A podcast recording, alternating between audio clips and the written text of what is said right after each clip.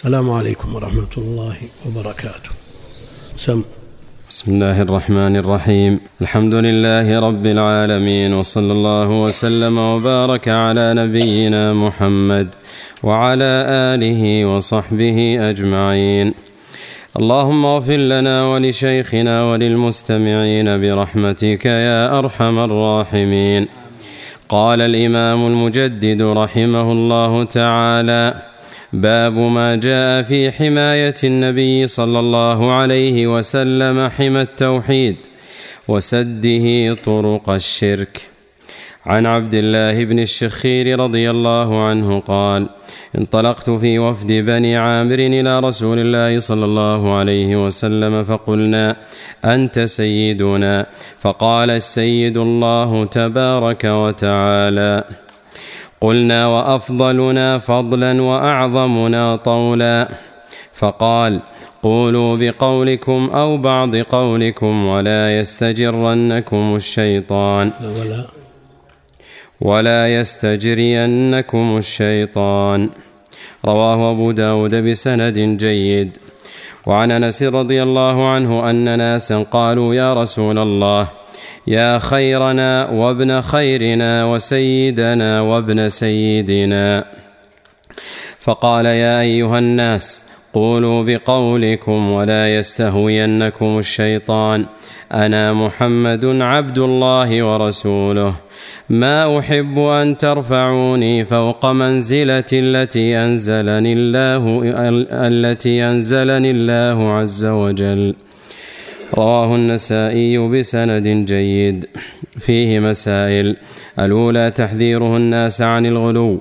الثانية ما ينبغي أن يقول من قيل له أنت سيدنا.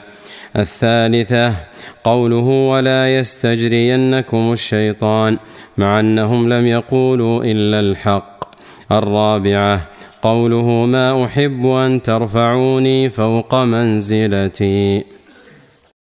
الحمد لله رب العالمين صلى الله وسلم وبارك على عبده ورسوله نبينا محمد وعلى آله وأصحابه أجمعين. أما بعد فيقول المؤلف رحمه الله تعالى باب ما جاء في حماية النبي صلى الله عليه وسلم حمى التوحيد وسده طرق الشرك. الكتاب من أوله إلى آخره في تقرير التوحيد والعناية بالتوحيد. وتحقيق التوحيد وتخليص التوحيد من شوائب الشرك والبدع كله في التوحيد بأنواعه. هذا التوحيد يحتاج إلى حماية وسد الذرائع الموصلة إليه لأهميته. فإذا كانت المحرمات أوصدت الطرق إليها كالزنا مثلا جميع الأمور التي توصل إليه وتيسر أمره كلها محرمة حتى النظر وما فوق ذلك والخلوة والسفر بدون محرم كلها من حماية هذا الباب. وبعض أو الواجبات وضع لها حماية وسدت الذرائع والطرق الموصلة إلى التساهل بها. فاليسير من الربا محرم وليس فيه بل بعض الطرق المشروعة أشد منه ضررا. لكن لما كانت الذريعة إلى هذه الجريمة التي لعن الرسول صلى الله عليه وسلم فاعلها آكل الربا وموكله وكاتبه وشاهديه وآكل الربا يبعث يوم القيامة مجنونا كما بقوله جل وعلا الذين يأكلون الربا لا يقومون إلا كما يقوم الذي يتخبطه الشيطان من المس. أوصدت الطرق إلى هذا الباب. فالدرهم من الربا حرمته كما جاء في بعض الأخبار ما جاء وإن كان الكلام الحديث فيه كلام لكنه شديد وأمره عظيم فتمرة بتمرتين أو صاع بصاعين. يدخل في لعن الله آكل الربا. يدخل في لعن الله فالطرق والوسائل المؤدية إلى ارتكاب المحظور أو ترك المأمور كلها لها أحكامها فالوسائل لها أحكام الغايات. فكيف بالشرك الذي هو أعظم الذنوب وصاحبه مخلد في النار؟ نسأل الله إن الله لا يغفر أن يشرك به ويغفر ما دون ذلك لمن يشاء. فالشرك هو أعظم ما عصي الله به جل وعلا. فجميع الوسائل الموصلة إليه والصادة عن توحيد الله كلها مسدودة. ومن ذلكم الغلو. وقد تقدم في باب مستقل. إياكم والغلو فإنما أهلك من كان قبلكم الغلو.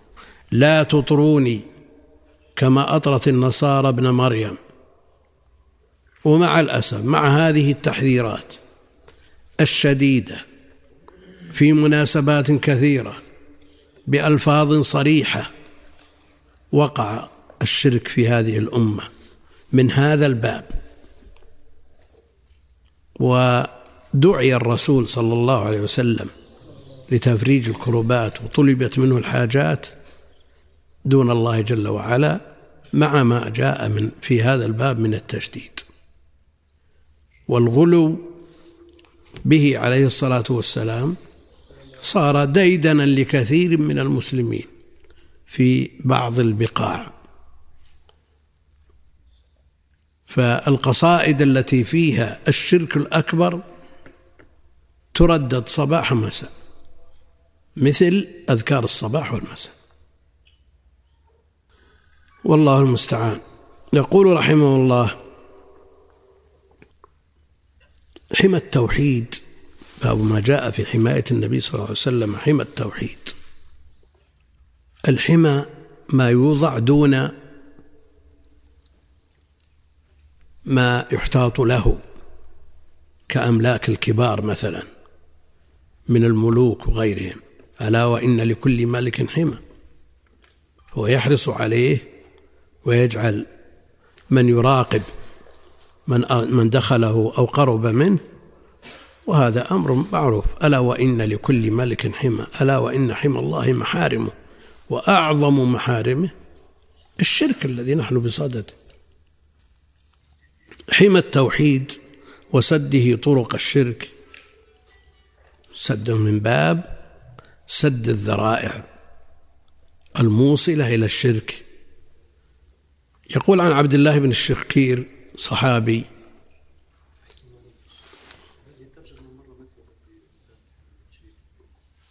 قال؟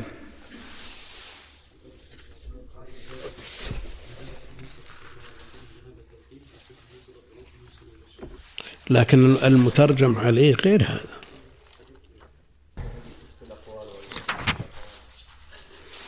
هذه أقوال. باب ما جاء في حماية المصطفى صلى الله عليه وسلم حمى جناب التوحيد. وسده كل طريق يوصل إلى الشرك. لقد جاءكم رسول من أنفسكم. يعني منكم من جنسكم. ليس له شيء من الربوبية ولا من فروع الألوهية شيئا. لا تجعلوا بيوتكم قبورا ولا تجعلوا قبري عيدا. وصلوا علي فإن صلاتكم تبلغني حيث كنتم. ها؟ نعم. أنه رأى رجلا يجيء إلى فرجة كانت عند قبر النبي صلى الله عليه وسلم فيدخل فيها فيدعو فنهاه. قال ألا أحدثكم حديثا سمعته من أبي عن جدي عن رسول الله صلى الله عليه وسلم؟ قال لا تتخذوا قبري عيدا ولا بيوتكم قبورا فإن تسليمكم يبلغني أين كنتم؟ على كل حال كلاهما في هذا الباب يصبان في مصب واحد لكن هذا له نوع في نوع وذاك في نوع آخر. من هذا من هذا الباب. يمكن الأول سمعت الشيخ في الأفعال وهذا في الأقوال. إن ما ذكر الشيخ هنا كله من باب القول. لا شك أن ما ذكر في الترجمة الأخيرة كلها أقوال. والأقوال يحصل بها الشرك كما أن الشرك يحصل بالأفعال. قال رحمه الله عن عبد الله بن الشخير صحابي من بني عامر الذين وفدوا على النبي عليه الصلاة والسلام والوفود في سنة تسع وشهرة ابنه مطرف ابن عبد الله بن الشخير لا تحتاج إلى تنبيه ولا تنويه. فهو من سادات الأمة وعبادها. عن عبد الله بن الشخير قال انطلقت في وفد بني عامر إلى رسول الله صلى الله عليه وسلم فقلت فقلنا أنت سيدنا. فقال السيد الله تبارك وتعالى. السيد الله حصر. بتعريف جملة جزئي الجملة يكون على سبيل الحصر فهذا اللفظ الذي هو السيد خاص بالله جل وعلا. مع أنه جاء قوله عليه الصلاة والسلام أنا سيد ولد آدم. أنا سيد ولد آدم. وجاء في بني قريظة أنهم أن لما جاء سعد بن معاذ هو شاكي قال قوموا إلى سيدكم. وأدلة كثيرة تدل على جواز إطلاق هذا إطلاق هذا اللفظ. لكن إذا كان الموقف والحال والحال يفهم منها الغلو فيرد. كما أنه جاء منع التفضيل بين الأنبياء. والله جل وعلا يقول تلك الرسل فضلنا بعضهم على بعض. وجاء النهي عن التفضيل. ودليل الجواز في القرآن. لكن لئلا يتطرق السامع أو المتكلم بتنقص المفضل عليه سد الباب على النبي عليه الصلاة والسلام. فقال لا تفضلوني على يونس بن متى. لأن من يقرأ في سيرته مع قومه قد يفهم شيء من النقص. إذ ذهب مغاضبا وهو مليم يعني آت بما يلام عليه. من يسمع هذا الكلام قد يقع في نفسه شيء لكنه بصدد نبي من أنبياء الله جل وعلا. فجاء الحسم للمادة. لا في المدح ولا في التنقص. فإذا خشي من المتكلم أن يغلو يمنع. وإذا خشي منه أن يتنقص يمنع. وإلا فالأصل ما قاله عن نفسي أنا سيد ولد آدم. وإن كان بعضهم يقول لا يمكن يقول أنا السيد. وجاء إطلاق منع إطلاق السيد على الفاسق. لكن مع الأسف السيادة للرجال هم السادة وهم القادة وأكثر ما يطلق الآن السيدات في مقابل الرجال. تقول رجال الأعمال وسيدات الأعمال. على كل حال الممنوع إطلاق اللفظ على الفاسق والمنافق لأنه جاء فيه النص الصريح. ها؟ من باب أولى شك. لا مصر يسموا السيدة سيدة البيت يعني. هي نفسها سيدة البيت سيدة الأعمال سيدة. فقلنا أنت سيدنا فقال السيد الله تبارك وتعالى. قلنا وأفضلنا فضلا وأعظمنا طولا. الألفاظ تدل على أن هناك فيه قلوب. جاءوا إلى النبي عليه الصلاة والسلام بنفسية معينة وأرادوا أن يكرموه بهذه الألفاظ لكنه نحى منحا آخر فأرشدهم إلى من ينفعهم ومنع ما يضرهم. أحيانا يأتي الشخص وعنده تصور عن شخص من العظمة ومن آه، عظم العلم والديانة أنا سمعت من يقول للشيخ ابن باز يا فضيلة الشرع. وش فضيلة الشرع؟ ها؟ شو؟ يقول يا فضيلة الشرع كل الموقف والهيبة أخطأ. والله المستعان. فالمسلم يجب عليه أن ينظر إلى ما قاله الله وقاله رسوله وأن ينزل الناس منازلهم. نعم. ما هو النص من أطلقها المنافق؟ من قال للمنافق كذا فقد نسيت فقد أغضب الله. لا معروفة لا والآن تأتي هذه الأمور مطبوعة لكل أحد. مطبوعة. استلمنا من السيد قبضنا من السيد هذا كثير. هذه مطبوعات الآن صارت تقال لكل أحد. لكن ها؟ والمنافق كلاهما. إذا كان في الفاسق والمنافق. على كل حال على المسلم أن يأتمر بأمر الله ورسوله وينتهي عما نهاه الله عنه ورسوله.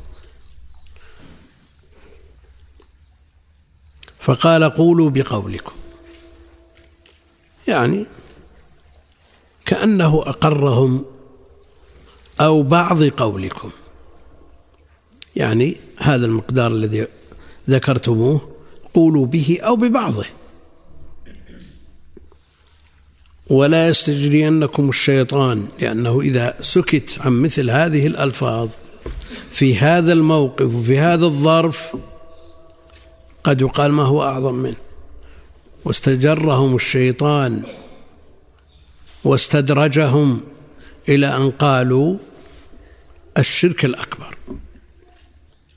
ولا تركوا لله شيئا فإن من جودك الدنيا وذرتها ومن علومك علم اللوح والقلم. البردة كم نسخت من نسخة؟ كم ذهبت بالتذهيب الكامل وكتبت بالذهب؟ كم عورضت ونسج على منوالها. كلها من أجل هذا الغلو بالنبي عليه الصلاة والسلام. والشيطان حريص. الشيطان حريص. والذي يتكلم بالبردة أو بناظمها أو من يقرأ البردة يقال هذا لا يحب الرسول عليه الصلاة والسلام ولا يعظم الرسول. من الذي يعظم الرسول؟ الذي يطيعه ويتبع أقواله ويتبع ويقلده في أفعاله أو الذي يقول له لا تقل كذا ويقول؟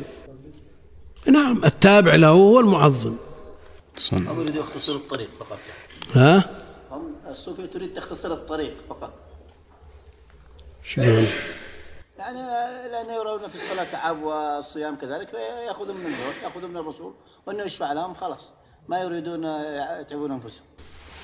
على كل حال ما حذر عنه النبي عليه الصلاة والسلام بقول إياكم والغلو. لا تطروني كما أطرت النصارى ابن مريم. وقع ما حذر منه عليه الصلاة والسلام. والغلو في الصالحين على حد زعمهم وكثير منهم ممن يغلى بهم في تراجمهم في طبقات الشعراني وغيره ليسوا من الصلاح بسبيل بل هم أهل كبائر وجرائم وترك للواجبات. من أراد أن يتثبت يقرأ والله المستعان. لكن يا شيخ إذا كان غلو في القلب يعني يحب الرسول زيادة في القلب ولكن ما في زيادة المحبة المحبة القلبية ما في شيء.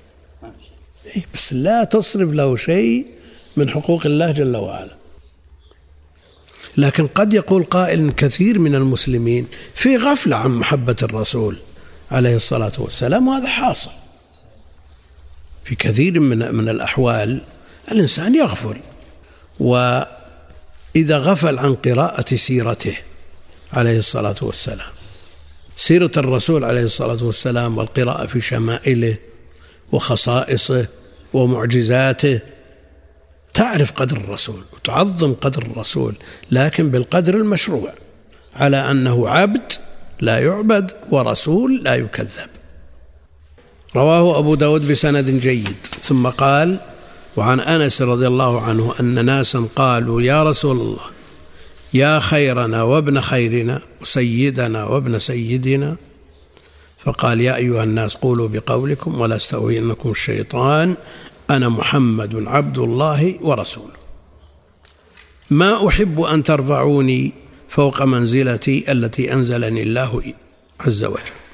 رواه النسائي بسند جيد. يا رسول الله يا خيرنا وابن خيرنا. هو خير البشر قاطبة الخير الخلق. وهذا لا إشكال فيه. وابن خيرنا يعني من حيث النسب والشرف مقبول. وأما الخيرية في الدين فقد قال النبي عليه الصلاة والسلام فيما ثبت عنه إن أبي وأباك في النار. وسيدنا وابن سيدنا كانت السيادة بالنسبة للنسب كما قلنا فهو كذلك وإلا سيادة الدين لا سبيل له إليها. لأنه ما أدرك النبي عليه الصلاة والسلام ما أدرك الدعوة ولا استجاب لها. فقال يا أيها الناس قولوا بقولكم ولا يستهوينكم الشيطان هناك لا يستجرينكم. أنا محمد عبد الله ورسوله. ما أحب أن ترفعوني فوق منزلتي التي أنزلني الله عز وجل. نحن مأمورون أن ننزل الناس منازلهم. في حديث عائشة أمرنا أن ننزل الناس منازلهم. في مقدمة مسلم. وفي أبي داود الأمر أنزل الناس منازلهم. فالمسلم المسلم من هذه الأمة الوسط التي لا إفراط ولا تفريط. لا إفراط ولا تفريط. فإنزال الناس منازلهم من غير زيادة لا يستحقونها ومن غير نقص أو إنقاص. وكثير من الناس ما يرزق الإنصاف فيغلو ببعض الأشخاص وينزل بعضهم عن منزلته. وهو مأمور بأن ينزل الناس منازلهم فلا شك أن في هذه مخالفة لقوله عليه الصلاة والسلام أنزلوا الناس منازلهم. والهوى والنفس وغير ذلك من الأمور التي تجر الإنسان تهويه والناس جبلوا على حب من أحسن وبغض من أساء. لكن يبقى أن هذا الحب والبغض مخطوم مزموم بزمام الشرع. لا يزاد فيه ولا ينقص. فيه مسائل تحذيره أن تحذيره عليه الصلاة والسلام من عن الغلو. قولوا ببعضكم وببعض قولكم. إياكم والغلو. ثانية ما ينبغي أن يقول من قيل له أنت سيدنا فيقول السيد الله. لأنه يشم منه رائحة الزيادة والإطراء والغلو. الثالث قوله ولا يستجرينكم الشيطان مع أنهم لم يقولوا إلا الحق الحق الذي قد يجر إلى الزيادة فيه والغلو فيه فيدخل المحظور. قوله ما أحب الرابع قوله ما أحب أن ترفعوني فوق منزلتي. عبد رسول. عبد لا يعبد رسول لا يكذب. مع أنه أشرف الخلق وأكمل الخلق وأتقاهم وأخشاهم لله جل وعلا. نعم. ما ما تشر على أن رفع فوق المنزلة لا يدخل في إثم أيضا؟ أي لكن في السياق. السياق بيدل على المنع. فلا ترفعوني منع من الغلو لا تطروني. قال لا تطروني. تفسر بالأحاديث الأخرى. سم. باب ما جاء في قوله تعالى وما قدر الله حق قدره والأرض جميعا قبضته يوم القيامة. الآية عن ابن مسعود رضي الله عنه قال جاء حبر من الأحبار إلى رسول الله صلى الله عليه وسلم فقال يا محمد إنا نجد أن الله يجعل السماوات على إصبع والأراضين على إصبع والشجر على إصبع والماء على إصبع والثرى على إصبع وسائر الخلق على إصبع. فيقول أنا الملك فضحك النبي صلى الله عليه وسلم حتى بدت نواجذه تصديقا لقول الحبر ثم قرأ. وما قدر الله حق قدره والارض جميعا قبضته يوم القيامه. الايه وفي روايه لمسلم والجبال والشجر على اصبع ثم يهزهن فيقول أنا الملك أنا الله. وفي رواية للبخاري يجعل السماوات على إصبع والماء والثرى على إصبع وسائر الخلق على إصبع. ولمسلم عن ابن عمر رضي الله عنهما مرفوعا يطوي الله السماوات يوم القيامة ثم يأخذهن بيده اليمنى ثم يقول أنا الملك أين الجبارون؟ أين المتكبرون؟ ثم يطوي الأراضين السبع ثم يأخذهن بشماله ثم يقول أنا الملك أين الجبارون؟ أين المتكبرون؟ وروي عن ابن عباس رضي الله عنهما قال ما السماوات السبع والأراضون السبع في كف الرحمن إلا كخردلة في يد أحدكم وقال ابن جرير حدثني يونس قال أنبأنا ابن وهب قال قال ابن زيد قال قال ابن زيد حدثني أبي قال قال رسول الله صلى الله عليه وسلم ما السماوات السبع في الكرسي إلا كدراهم سبعة ألقيت في ترس؟ قال وقال أبو ذر رضي الله عنه سمعت رسول الله صلى الله عليه وسلم يقول ما الكرسي في العرش إلا كحلقة من حديد ألقيت بين ظهري فلاة من الأرض. وعن ابن مسعود رضي الله عنه قال بين السماء بين السماء الدنيا والتي تليها خمسمائة عام وبين كل سماء خمسمائة عام وبين السماء السابعة والكرسي خمسمائة عام وبين الكرسي والماء خمسمائة عام والعرش فوق الماء والله فوق العرش لا يخفى عليه شيء من أعمالكم. أخرجه ابن مهدي عن حماد بن سلمة عن عاصم عن زر عن عبد الله. ورواه بنحوه المسعودي عن عاصم عن أبي وائل عن عبد الله قاله الحافظ الذهبي رحمه الله تعالى. قال وله طرق. وعن العباس بن عبد المطلب رضي الله عنه قال قال رسول الله صلى الله عليه وسلم هل تدرون كم بين السماء والأرض؟ قلنا الله ورسوله أعلم. قال بينهما مسيرة خمسمائة سنة ومن كل سماء إلى سماء مسيرة خمسمائة سنة. وكثف كل كثف كثف. وكثف كل سماء مسيرة خمسمائة سنة. وبين السماء السابعة والعرش بحر بين أسفله وأعلاه كما بين السماء والأرض. والله تعالى فوق ذلك. وليس يخفى عليه شيء من أعمال بني آدم. أخرجه أبو داود وغيره. فيه مسائل. الأولى تفسير قوله والأرض جميعا قبضته يوم القيامة الآية.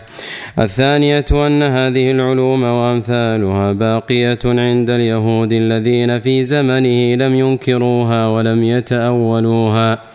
الثالثة أن الحبر لما ذكرها للنبي صلى الله عليه وسلم صدقه ونزل القرآن بتقرير ذلك. الرابعة وقوع الضحك الكثير من رسول الله صلى الله عليه وسلم عند ذكر الحبر هذا العلم العظيم. الخامسة التصريح بذكر البدء اليدين وأن السماوات في اليد اليمنى والأراضين في الأخرى. السادسة التصريح بتسميتها الشمال. السابعة ذكر الجبارين والمتكبرين عند ذلك. الثامنة قوله كخردلة في كف أحدكم. التاسعة عظمة الكرسي بالنسبة إلى السماوات. العاشرة عظمة العرش بالنسبة إلى الكرسي. الحادية عشرة أن العرش غير, غير الكرسي. الثانية عشرة كم بين كل سماء إلى سماء. الثالثة عشرة كم بين السماء السابعة والكرسي. الرابعة عشرة كم بين الكرسي والماء؟ الخامسة عشرة أن العرش فوق الماء. السادسة عشرة أن الله فوق العرش. السابعة عشرة كم بين السماء والأرض؟ الثامنة عشرة كثف كل سماء خمسمائة سنة. التاسعة عشرة أن البحر الذي فوق السماوات بين أعلاه إلى أسفله مسيرة خمسمائة سنة. والله سبحانه وتعالى أعلم وصلى الله على محمد وصحبه وسلم تسليما كثيرا. اللهم صل وسلم على محمد وعلى آله وصحبه.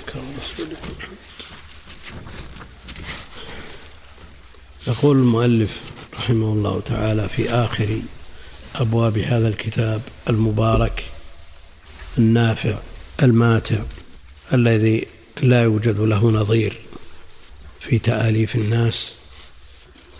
باب ما جاء في قول الله تعالى وما قدر الله حق قدره والأرض جميعا قبضته يوم القيامة باب ما جاء في قول الله تعالى وما قدر الله حق قدره وهذا في كلام كثير من المفسرين أنه كلام عن المشركين الذين لم يوحدوه ولم يقدروه حق قدره وأشركوا معه غيره. من أشرك مع الله غيره وسواه به هذا لا شك أنه ما قدر الله حق قدره. ولا عرف الله ولا عظم الله. فمثل هذه الأمور من أراد أن يقدر الله حق قدره فليلزم النصوص ويعرف ربه من خلالها عما جاء عنه وعن نبيه عليه الصلاة والسلام. الذي يقرأ النصوص نصوص الصفات. الذي يقرأ نصوص الصفات. ويتأولها ويحرفها ويصرفها عن معانيها. هل يتسنى له معرفة الله وتقدير حق قدره؟ لا يمكن. لأنه عز وجل إذا جاء يوم القيامة بغير الصفة التي يعرفونها يمتنعون من السجود كما هو معروف. وإذا جاء على صفته التي يعرفونها يسجدون له عز وجل. التي يعرفونها الذي يحرفها ويؤولها. يعرفها؟ لا والله ما يعرفها. يتأولها على غير مراد الله ومراد رسوله عليه الصلاة والسلام. هذا يتوقع أن يسجد ولا لا؟ لأن المسألة معلقة بالمعرفة. فالذي يحرف آيات الصفات كيف يعرف الله جل وعلا من خلال ما قرأه؟ ثم يسجد له. كيفيات الله أعلم بها. لكن هذا أمر خطير وعظيم. هذا الحديث فيه بالنسبة لهؤلاء ما تقشعر منه الجلود. يعني يقول لك اليد النعمة. ونصوص القرآن والسنة فيها تفاصيل وفيها ذكر. اليد واليدين واليمين والشمال وكلتا يديه يمين. فإذا ضممت بعضها إلى بعض حصل عندك العلم القطعي أن له جل وعلا يدين تليقان بجلاله وعظمته. على طريقة أهل السنة والجماعة من إثبات ما جاء عن الله وعن رسوله صلى الله عليه وسلم كما جاء.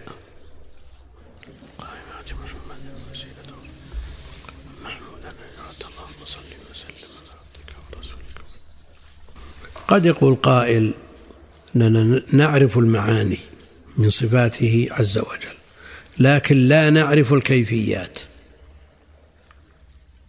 نعرف المعاني لكن لا نعرف الكيفيات.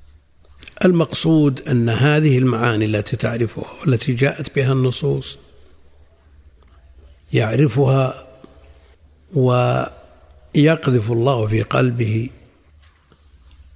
أن الله له الصفات التي جاءت في كتابه. هذه عقيدة. لكن الذي لا يثبت صفة يعرف شيء لن يعرف شيئا. وما قدر الله حق قدره. لأنهم لا يعرفونه فيعظمونه. والأرض جميعا قبضته يوم القيامة. قبضته قبضة يده. الأرض جميعا يعني في أعدادها وأنواع ما فيها كما سيأتي في حديث الحبر. يوم القيامة. وعن ابن مسعود قال جاء حبر من أحبار اليهود الحبر العالم. والحبر والبحر يشتركان في الاشتقاق. فالبحر فيه السعة والحبر أيضا فيه سعة العلم. ولذا يعبر عن بعض العلماء الكبار بأنه من بحور العلم ويشتركون ويختلفون في ضبط الحاء. فكثير من اللغويين يقول الحبر. الحبر. ولعل الاشتراك اشتراك العالم مع الحبر في ملازمته إياه طيلة عمره في كتاباته وفي ردوده وفي تعلمه وتعليمه. وأهل الحديث يقولون حبر فتح الحاء. جاء حبر من أحبار من الأحبار إلى رسول الله صلى الله عليه وسلم فقال يا محمد إنا نجد أن الله يجعل السماوات على إصبع. إن الله يجعل السماوات على إصبع. السماوات السبع التي لا يتصور عظمتها وسعتها وثقلها على إصبع واحد. من أصابع الرحمن؟ والأراضين على إصبع كذلك. السبع والشجر على إصبع والماء على إصبع. تصور البحار والأنهار والماء ثقيل بالنسبة للمخلوق. الماء كله على إصبع من أصابع الرحمن. والثرى يعني التراب سواء كان مبلولا أو ناشفا. على إصبع وسائر الخلق على إصبع. سائر الخلق من بني آدم والحيوانات والطيور غيرها كلها على إصبع. فيقول أنا الملك فيقول أنا الملك. سيأتي أنه يهزها ويقول أنا الملك أين الجبارون؟ أين المتكبرون؟ لمن الملك اليوم؟ انتهت ملوك الدنيا. انتهى ملكهم وانتهوا معه. وبدل التكبر والتعاظم على خلق الله في الدنيا يحشرون أمثال الذر. أنا الملك فضحك النبي صلى الله عليه وسلم حتى بدت نواجذه تصديقا لقول الحبر. الضحك هنا للتصديق. بدليل ثم قرأ وما قدر الله حق قدره. قراءة الآية تدل على الموافقة والتصديق. المبتدعة ماذا يقولون؟ يقول ضحك إنكارا لقوله. يقولون ضحك إنكارا لقوله. وما عند وماذا عند اليهود من العلم؟ عندهم بقية. حرفوا وحذفوا وزادوا ونقصوا لكن فيه بقية. منها البقية هذا؟ هذا الذي جاء على لسان الحبر. مما يدل على أن عندهم بعض الحق. وما ذكره العيني عن بعض الشافعية من كلام قبيح يقول يجوز الاستنجاء بالتوراة المحرفة. التوراة المحرفة قد يوجد فيها مثل هذا الكلام الصحيح الذي أقره النبي عليه الصلاة والسلام. وهذا الكلام لا داعي له أصلا. ما الذي دعاه أن يقول مثل هذا الكلام؟ المبالغة على أن أن ما عندهم منسوخ منسوخ لكن ما يوافق شرعنا يجب العمل به مثل ما جاء في كلام الحبر تصديق فضحك النبي صلى الله عليه وسلم حتى بدت نواجذه تصديقا لقول الحبر ثم قرأ وما قدر الله حق قدره والأرض جميعا قبضته يوم القيامة. ما يدل على أن الضحك للتصديق. وأيد ذلك بالآية. نعم.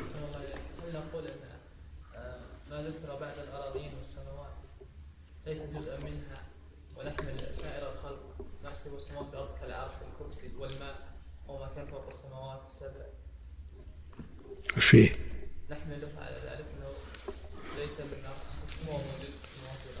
لا في بياتي نص آخر يشمل الجميع؟ هو في رواية لمسلم الحديث متفق عليه وفي رواية لمسلم والجبال والشجر على إصبع. ثم يهزهن.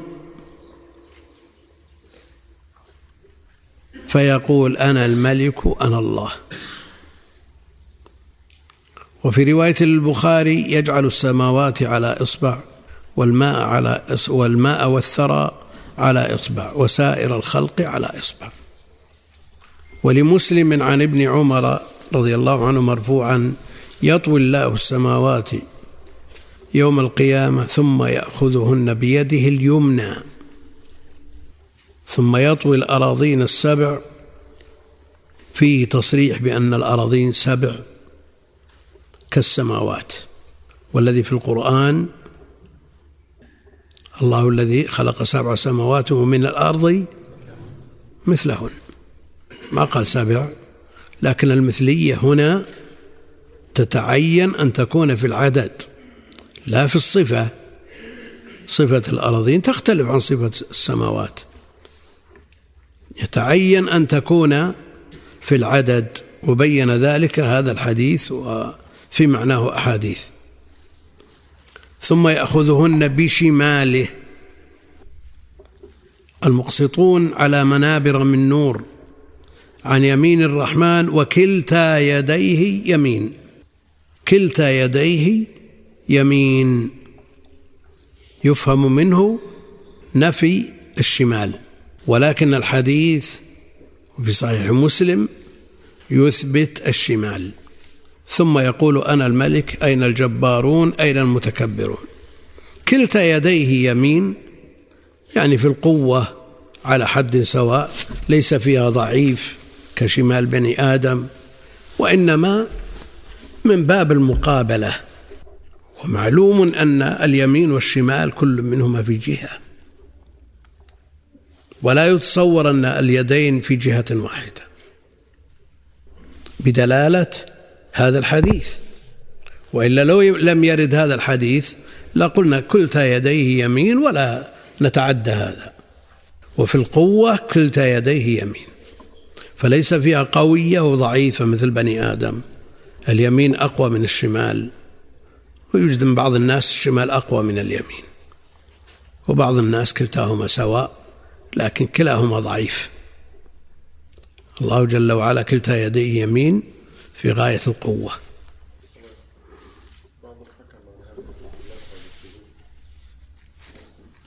ما يلزم. إذا أمكن توجيهها والراوي ثقة وهي في الصحيح إذا أمكن توجيهها. كلتا يديه يمين في القوة. ها؟ شو؟ الفضل والشرف والقوة سواء. سواء ولا حكم الدار قطني. على كل حال في الصحيح ما لنا كلام وتوجيهها ممكن. هل يتصور أن كلتا يديه في جهة واحدة؟ ها؟ شمال.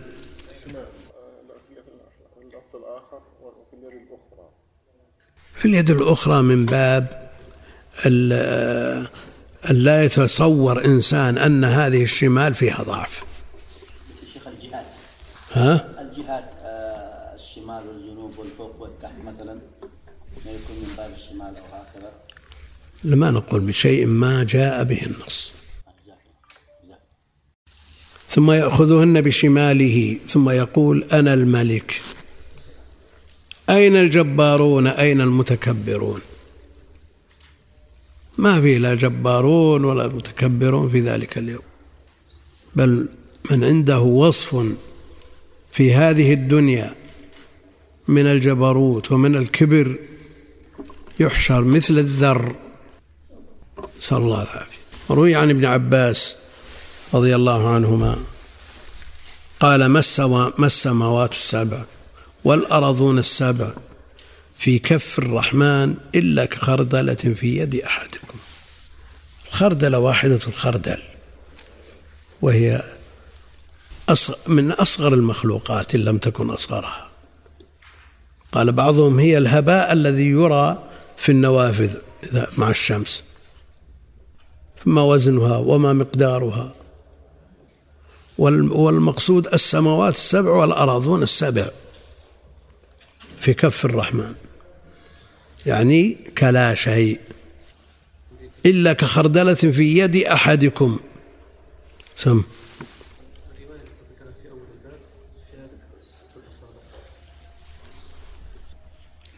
بالنسبة للعدد.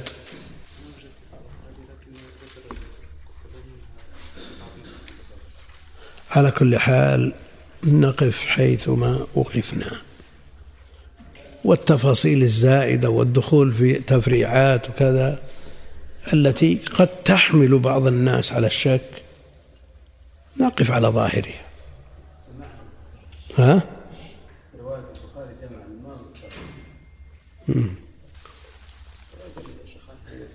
ها؟ لا دليل على أن الأصابع كلها نية واحدة على كل حال أننا نتكلم على النص بظاهره. ولا نغرق في التفاصيل لأن هذه التفاصيل أوقعت بعض الناس وهو من أهل في الأصل من أهل التحقيق أوقعته في أن يخوض في شيء على في قدر زائد على ما ينبغي أن يقال. وقال ابن جرير حدثني يونس بن عبد الأعلى قال حدثنا ابن وهب عبد الله الإمام الجليل قال قال ابن زيد عبد الرحمن بن زيد بن أسلم. قال حدثني أبي زيد بن أسلم. قال حدثني أبي قال قال رسول الله صلى الله عليه وسلم ما السماوات السبع والكرسي إلا كدراهم سبعة ألقيت في ترس. دراهم يعني العملات المضروبة من الفضة والدراهم حجمها ما هي بكبير صغيرة. ألقيت في ترس. دراهم سبعة. قال وقال أبو ذر سمعت رسول الله صلى الله عليه وسلم يقول ما الكرسي في العرش إلا كحلقة من حديد. كحلقة من حديد. بإسكان اللام. وفتح اللام نص ابن حجر على أنها شذوذ. إلا كحلقة من حديد ألقيت في ظهري فلات. ما الكرسي؟ في العرش يعني على عظمته. الكرسي على عظمته. وموضع القدمين. في العرش أعظم المخلوقات إلا كحلقة من حديد ألقيت في فلات من الأرض في مفازة. فالفلاة على سعتها وعظمتها الكرسي فيها كالحلقة التي تلقى في هذه الفلاة الكبيرة بالنسبة إلى العرش. وعن ابن مسعود رضي الله تعالى عنه قال بين السماء الدنيا والتي تليها بين السماء الدنيا والتي تليها خمسمائة عام وبين كل سماء خمسمائة عام. وبين السماء السابعة. وبين السماء السابعة والكرسي خمسمائة عام. وبين الكرسي والماء خمسمائة عام. والعرش فوق الماء. والله فوق العرش. ولا يخفى عليه شيء من أعمالكم. كم عدد السنين إذا جمعنا بين كل سماء خمسمائة عام بين كل سماء والتي تليها خمسمائة عام سبع سماوات. كم؟ 3500 أي ثلاثة آلاف وخمسمائة. أو 3000 3000 ثلاثة آلاف. وخمسمائة. هي سبع. سبعة في خمسمائة. لا سمعت الشيخ يعني بين الأولى والثانية 500 أي وبين الثاني والثالث 500 فيتحسن السابعة خمس ثلاثة آلاف وخمسمائة وكثف كل سماء خمسمائة هذه زيادة. ها؟ إيه سبعة آلاف. ها؟ الله أعلم الله أعلم. هم يقولون في السنوات في في السنوات الضوئية هم؟ يضطرون إلى أن يقولوا ضوئية لأنها سريعة جدا يعني أهل الفلك يقولون الجزء من مليون جزء من السنة الضوئية يقولون يعبرون بتعبيرنا يقولون تصل به مكة من بلد من الرياض يقولون. الفلكيين في إصداراتهم الجديدة. تصل في الجزء من كذا من آلاف السنين. تصل مكة عاد ذكروا أعداد ما نضبطها. ويقولون سبب تعبيرهم بالسنوات الضوئية ولم يقولوا بسنواتنا وتقديراتنا. قالوا لأن آه، لأن الأوراق لا لا تحتمل الأصفار. يعني لو خلوها من من سنواتنا. أمور مهولة ولا تدركها عقولنا. وكل هذا من باب عظمة الله وتعظيم الله جل وعلا. والعرش فوق الماء وفوق العرش والله فوق العرش ولا يخفى عليه شيء من أعمالكم. أخرجه ابن مهدي عن عن حماد بن سلمة. هذا الخبر قالوا فيه ضعف.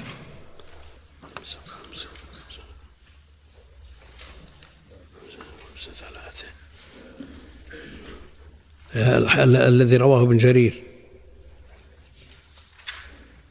ما السماوات السبع في الكرسي إلا كدراهم سبعة. هذا قالوا فيه ضعف.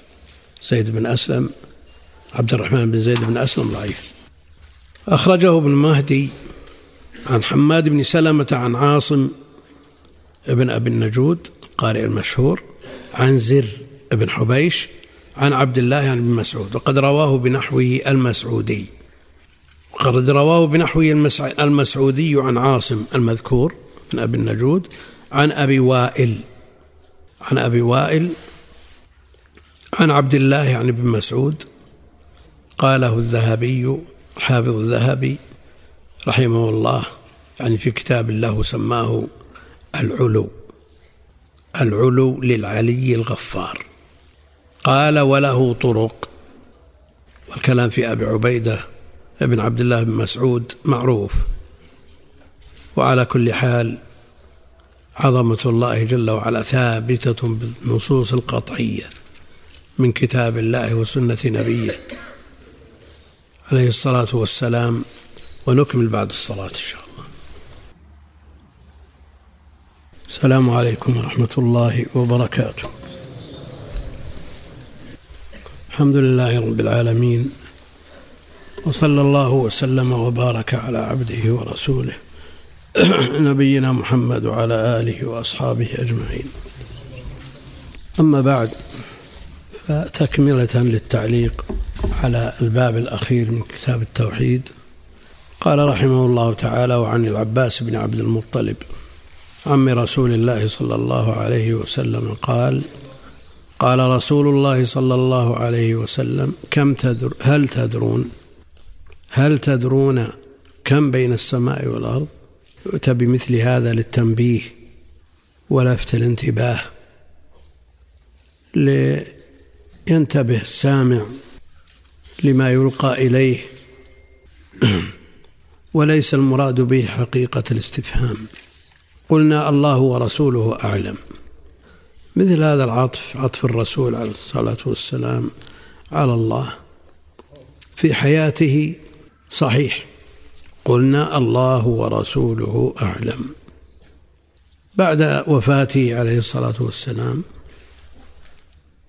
في المسائل الشرعية الرسول أعلم.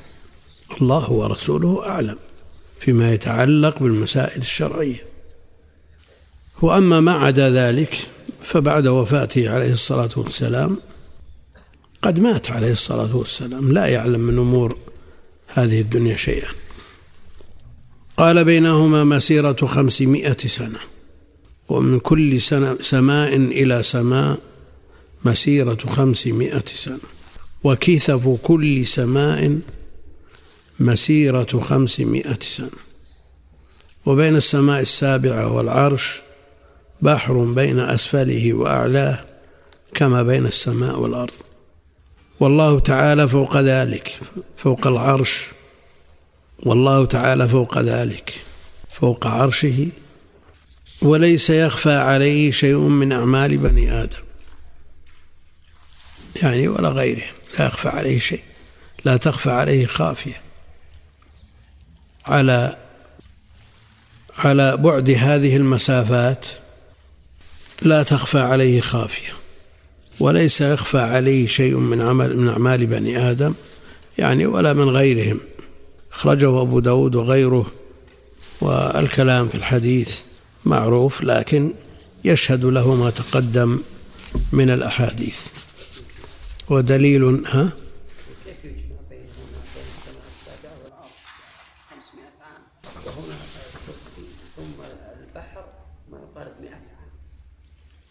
أي ما هي المسألة يعني المسألة متسقة. 500 عام 500 عام. كونه يدخل في بعض الروايات أشياء زائدة أو ما يضر. المسكوت عنه ما يؤثر في المذكور. ها؟ قال قال رسول الله صلى الله عليه وسلم. حديث العباس مرفوع مصرح برفع خرجه أبو داود وغيره. قال رحمه الله فيه مسائل. والباب كما رأيتم طويل ومسائله كثيرة. ولكن تعرفون الطريقة في المؤلفات كلها إلا ما ندر أنه إذا قربت النهاية حثت المطي. كالمسافر. إذا قرب إلى الوصول شد على الراحلة. وتجدون في المؤلفات مؤلفات أهل العلم أنه كل ما بعد العهد ضعف الجهد واستشرف الناس النهاية. وانظروا في التفاسير وشروح الحديث وغيره على كل حال هذا الحاصل وننظر في المسائل. يقول رحمه الله تعالى فيه مسائل الأولى تفسير قوله والأرض جميعا قبضته يوم القيامة. هذا تقدم في الترجمة أن الأرض والمراد جنس الأرض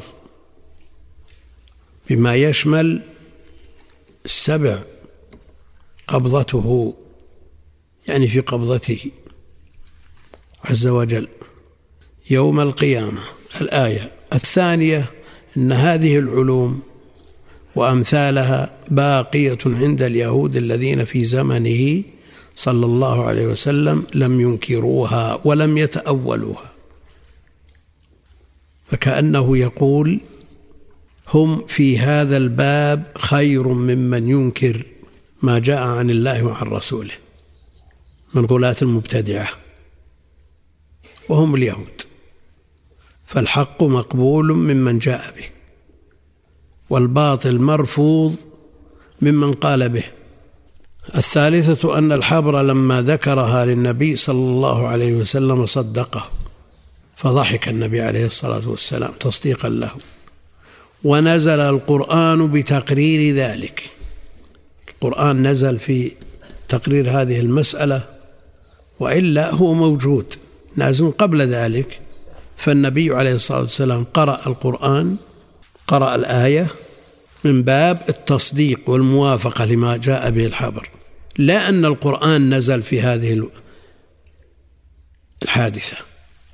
الرابعة وقوع الضحك الكثير من رسول الله صلى الله عليه وسلم عادته عليه الصلاة والسلام أنه لا يضحك وإنما يتبسم. لكن في هذه المسائل العظام والتعظيم لله جل وعلا ضحك. وقوع الضحك الكثير من رسول الله صلى الله عليه وسلم عند ذكر الحبر هذا العلم العظيم. بعض الناس إذا سمع هذه الأمور من باب تعظيمه لله جل وعلا يبكي. فهل هو مخالف لضحكه عليه الصلاة والسلام؟ يبكي تعظيما لله. لأنه قد تأتي آيات في القرآن وتتلى على الناس وفيها من تعظيم الله ما فيها فيكون تعظيما له وخشية منه وإجلالا له. فما جاء في هذا الحديث من ضحكه عليه الصلاة والسلام. لا استخفافا بحق الله جل وعلا وإنما تصديقا لما جاء به هذا الحق. والموافقة. لأن النصوص التي فيها تعظيم لله جل وعلا تقتضي تعظيمه وقدره حق قدره واستشعار خشية الله جل وعلا والخوف منه وهذا كله يستدعي البكاء.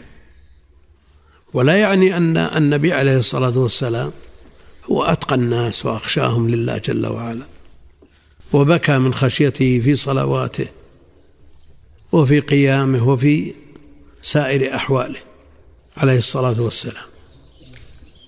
قد يقول قائل أن نسمع من من من العباد ومن غيرهم ونسمع ما جاء عن خيار الأمة من من الصحابة والتابعين ما يحصل لهم من تعظيم الله وخشيته والبكاء عند ذلك.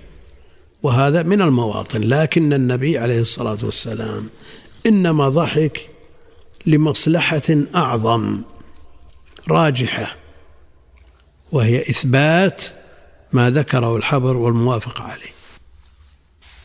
وقوع الضحك الكثير من رسول الله صلى الله عليه وسلم وليس من عادته أن يضحك فضلا عن أن يكون ضحكه كثيرا. يضحك لكن لا يسمع له صوت وأقرب ما يكون إلى التبسم. ها؟ شو؟ دلالة على كثرة. ثبتت نواجذ معناه أنه كثير. ها؟ وقوع الضحك الكثير. ما في كثير؟ ما عندك كثير. من نسخة من؟ إيه. على كل حال هو موجود في النسخة محققة على ثلاثين نسخة اللي معنا. وكونه تبدو نواجذه ما هي المسألة من من ضحكة يسيرة تبي تبدو النواجذ. وليس من عادته القهقهة عليه الصلاة والسلام. لكن هذا المقام هذا المقام يقتضي مثل هذا لأنه مقام تعظيم لله جل وعلا من جهة وإثبات لهذا التعظيم. ومن خصم من يهودي عند ذكر الحبر هذا العلم العظيم الذي فيه تعظيم الله جل وعلا الخامسة التصريح بذكر اليدين وأن السماوات في اليد اليمنى والأراضين في اليد الأخرى. وجاء التصريح بأنها بشماله. وجاء أيضا أن كلتا يديه يمين جل وعلا. وذكرنا ما يتعلق بذلك في الدرس. السادسة التصريح بتسميتها الشمال. ولا محذور في ذلك. إلا من باب كلتا يديه يمين بمعنى في القوة والشرف والقدر كلتا يديه يمين لأن الشمال في بالنسبة للمخلوق فيها نوع نقص. ولذلك تستعمل في الأمور الدون والمواضع الشريفة فتستعمل لها اليمين. السابعة ذكر ذكر الجبارين والمتكبرين عند ذلك. ذكر الجبارين والمتكبرين عند ذلك.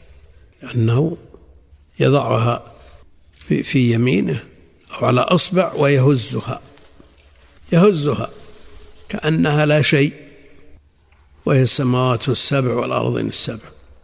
فيقول أنا الملك. أين الجبارون؟ الآن ومر على مر العصور من الجبابرة والمتكبرين من لا يرى غيره. ومن ادعى الربوبية. نسأل الله العافية. قال أنا ربكم الأعلى. ويأتون يوم القيامة أمثال الذر يطأهم الناس بأقدامهم. الثامنة قوله كخردلة في كف أحدكم. التاسع عظمة الكرسي بالنسبة إلى السماوات.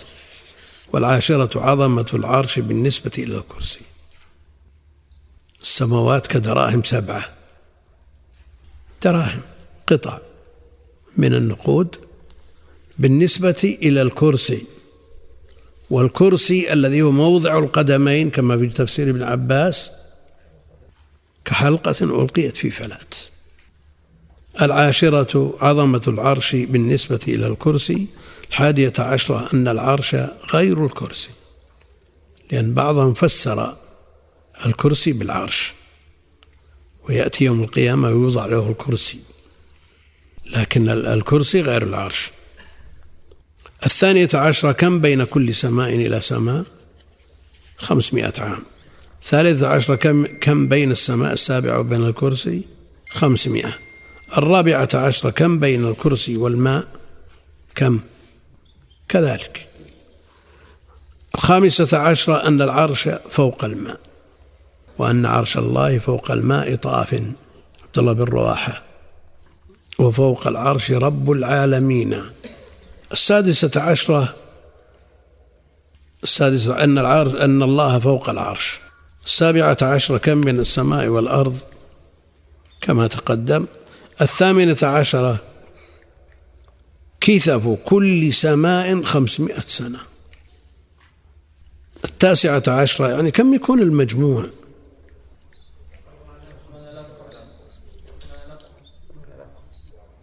ها؟ والله عندك بين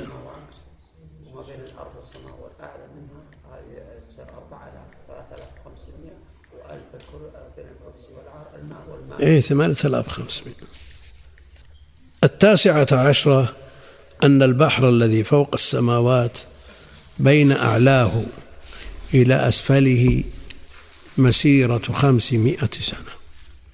والله سبحانه وتعالى أعلم وصلى الله وسلم وبارك على نبينا محمد وصحبه وآله وصحبه وسلم تسليما كثيرا. وبهذا نكون انتهينا من التعليق على هذا الكتاب المبارك الذي تم في ثلاثة دورات. كل دورة الدورة الأولى ثلاثة أسابيع والثانية أسبوعان والثالثة آخر دورة هنا. أسبوع واحد ولا أكثر؟ من يذكر؟ ها؟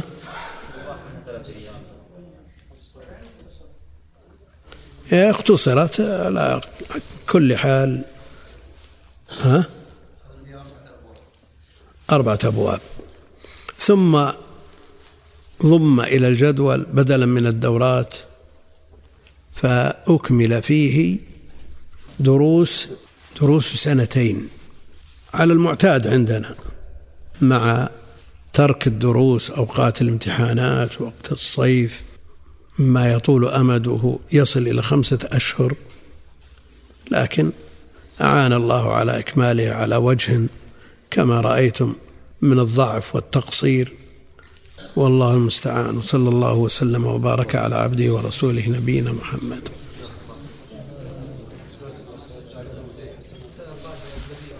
ها؟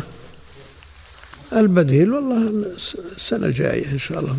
الفصل الثاني الأسبوع الثاني من الفصل الأول.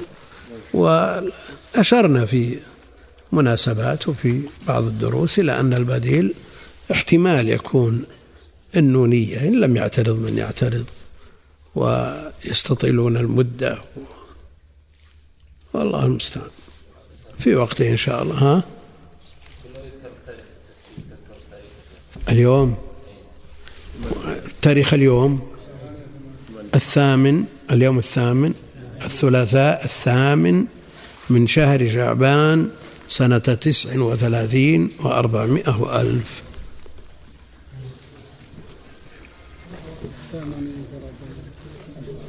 هي الماء تحت الكرسي. الماء تحت الكرسي. الماء بين الكرسي والله ممكن. كان الكرسي موضع القدمين. يكون الماء بين الكرسي والعرش. الله أعلم. الله أعلم.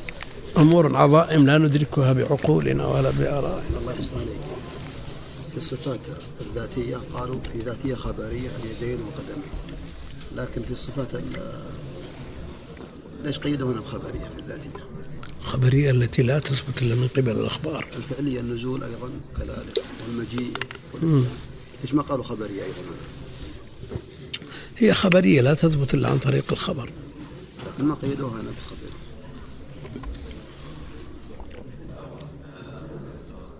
الصفات الخبرية وغيرها. ذكرت الشيخ شيخ الإسلام التدمرية راجع لكن الشيخ مثل القواعد المثلى ذكر أن هذه يفعلها متى شاء. لكن قالوا في الذاتية خبرية كما في صفات اليدين والقدمين والكف والساق. لكن عند الفعلية المجيء والنزول ما قالوا خبري ما قيدوها خبري علمه علمه ها؟ يبيها منك. اللهم صل على محمد. اللهم صل. بارك الله فيكم بارك الله فردوس الأعلى.